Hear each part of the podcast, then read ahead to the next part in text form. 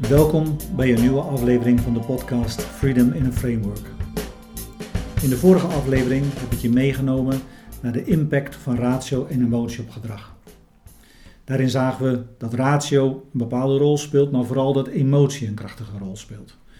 Uh, als ik ergens me goed over voel, dan ga ik met je mee. Als ik ergens me niet goed voel overvoel of nog niet goed overvoel, dan komt er weerstand in me. En natuurlijk, sociaal is het niet wenselijk om weerstand te tonen. En dan zie je dus dat mensen veel van die ook in een eerdere podcast genoemde hinderende gedragingen gaan vertonen. In deze podcast wil ik je meenemen in de waarde die de weerstand heeft. Want het heeft zowel voor jou als leider een waarde in de directe informatiezin, als ook in de zin van het mobiliseren van ownership en commitment bij mensen, heeft het een essentiële waarde. En ik wil je dat toelichten aan de hand van het functioneren van het brein. Als we kijken hoe het brein is opgebouwd, dan zitten daar in de honderdduizenden jaren van ontwikkeling drie dimensies. Wat we gemeden hebben met de reptielen is het alleroudste deel van ons brein, is het reptiele brein. Misschien heb je wel eens een reptiel zien zitten en het enige wat hij in wezen doet is, ik zit er of ik ben er niet. Ik, en een ander reptiel gaat vechten of wat dan ook, maar in ieder geval, het gaat altijd over gevaar of geen gevaar, existentie of geen existentie, overleven. Het reptiele brein monitort ons overleven of niet overleven. Als ons overleven bedreigd wordt op een of andere manier, dan wordt dat bij ons mens geactiveerd in de fight, flight, freeze. En het vluchten, bevriezen uh, of vechten gedrag. Een van de drie. En ook als er een situatie maar in die richting komt, dan wordt een van die drie geactiveerd. En misschien ken je bij jezelf wel, of heb je wel eens om je heen dat soort reactiepatronen gezien.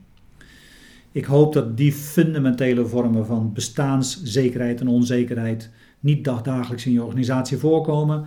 Dus die wil ik nu hier niet verder behandelen.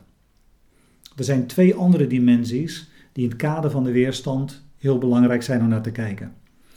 Het is het gedeelte van het brein wat zeg maar in de middenontwikkeling was, dat is het limbisch brein. En het is het nieuwste gedeelte en dat is de neocortex.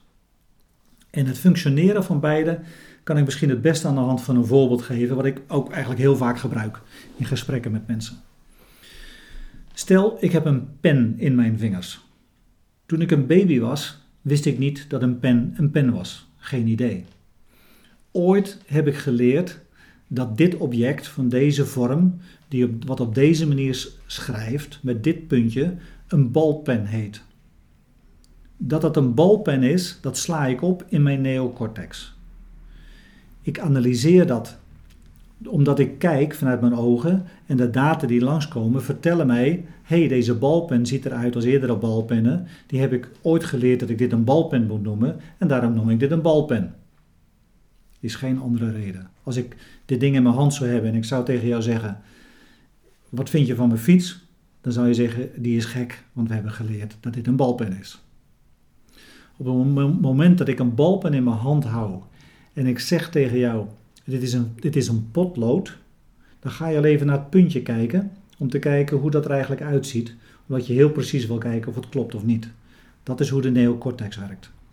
Dus al onze systemen in organisaties, onze vakmatige expertise die ons vertelt dat marketing, sales, verkoop, financiën of wat dan ook voor discipline op een bepaalde manier gedaan moeten worden, volgens bepaalde patronen, dat is de neocortex getrainde manier van doen, die we allemaal eigenlijk willen herkennen dat die op dezelfde manier gedaan wordt. Vandaar ook dat als ons bijvoorbeeld een voorstel wordt gedaan voor een strategie of voor een uh, veranderingsproces, voor een groeiproces of welke complexiteit dan ook, en we herkennen de vakmatige logica, dat we het logisch vinden dat het zo wordt voorgesteld. De andere dimensie van het brein, wat ik zei, was het limbisch brein. Dus even terug naar hetzelfde potlood. Of naar dezelfde balpen, kan ik beter zeggen. De neocortex vertelt mij namelijk niet of de balpen fijn schrijft. Dat ervaar ik. En breng ik naar de hand onder woorden. Ik ervaar het doordat ik het ga doen. En als ik merk dat deze balpen fijn schrijft, dus dat deze situatie een prettige situatie is met die balpen in mijn hand, zullen mijn hersenen dat ook opslaan als een prettige ervaring. En als ik in de toekomst weer zo'n balpen tegenkom, zal ik hem gelijk pakken, want het schreef prettig. Als ik in de toekomst een balpen tegenkom die in het verleden niet prettig schreef, zal ik hem niet weer pakken, want hij schreef niet prettig. En zo zijn er dus ook op basis van alle ervaringen die ik heb, alles wat ik heb meegemaakt in mijn leven, zijn er in mijn hersenen de ervaringen opgeslagen over wat prettig ging, wat me blij maakte, vrolijk maakte, inspireerde, energie gaf, of wat ik onprettig heb gevonden. Wat mij boos maakte, frustreerde, tegenwerkte of iets dergelijks. Onprettig gevoel gaf. Dus op het moment dat jij als leider aan mij een voorstel doet en ik zie daar wel de logica van, maar tegelijkertijd het voelt niet goed, dan betekent het dat er in mij een herinnering is geactiveerd aan een situatie die op een of andere manier vergelijkbaar is geweest, maar waarbij ik ervaringen heb opgedaan die onprettig waren, die niet goed zijn gelopen.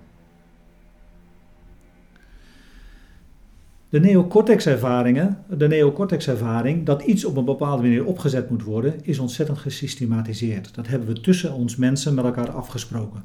Een stoplicht is een stoplicht, een businessvoorstel is een businessvoorstel. Dat kent een bepaalde methodiek. Of het goed werkt al dan niet, hoe ik het ervaren heb, is een hele unieke ervaring.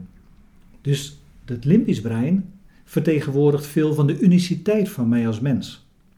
En in een van de eerdere podcasts heb ik al aangegeven hoe belangrijk, het, hoe belangrijk het voor mij als mens is in de dynamiek tussen organisatie en mens, dat ik als mens in mijn uniciteit ook aangesproken word.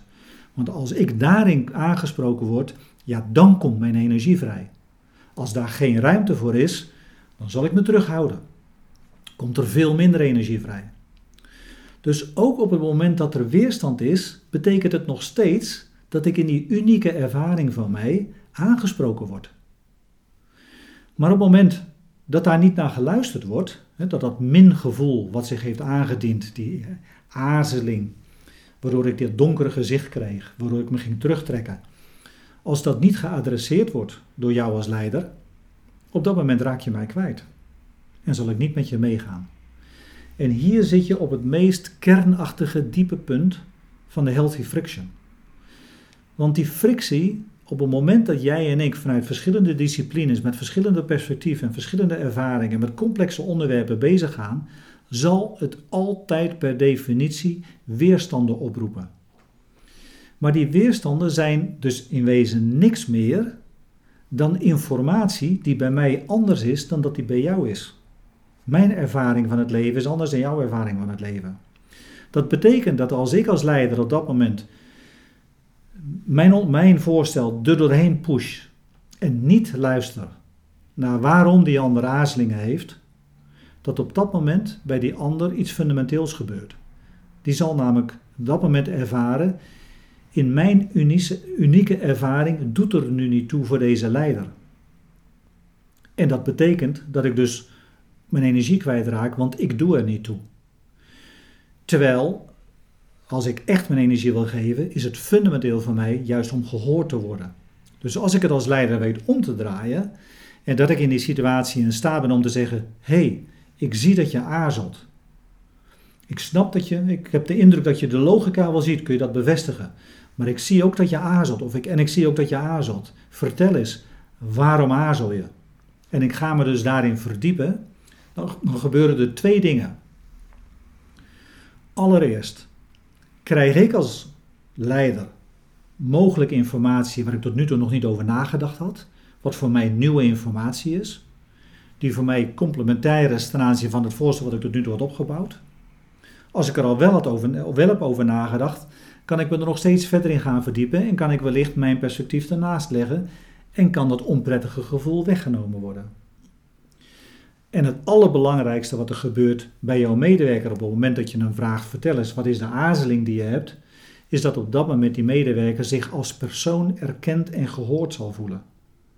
En op het moment dat je als leider dat weet te realiseren En dus als je dat soort van processen tussen grote groepen van medewerkers van je organisatie in het mobiliseren van ownership en commitment weet te realiseren, dan ga je bij die grote groepen in je organisatie ga je de energie vrijmaken om stap voor stap met jou mee te gaan bewegen in het proces wat je wilt. In de grote strategieverandering, de organisatieverandering, de groeiperspectieven, uh, hun functieveranderingen of wat dan ook. Wat ik je hier nu aangeef, hoe je heel precies kunt omgaan met deze situaties van weerstand, is in wezen datgene wat dagdagelijks gebeurt in alle vormen van teams, zeker die multifunctioneel zijn en multidisciplinair zijn, die met elkaar in gesprek zijn over een zakelijk onderwerp. Want er zijn altijd tussen mensen, als ze onderwerpen naar voren brengen, weerstanden.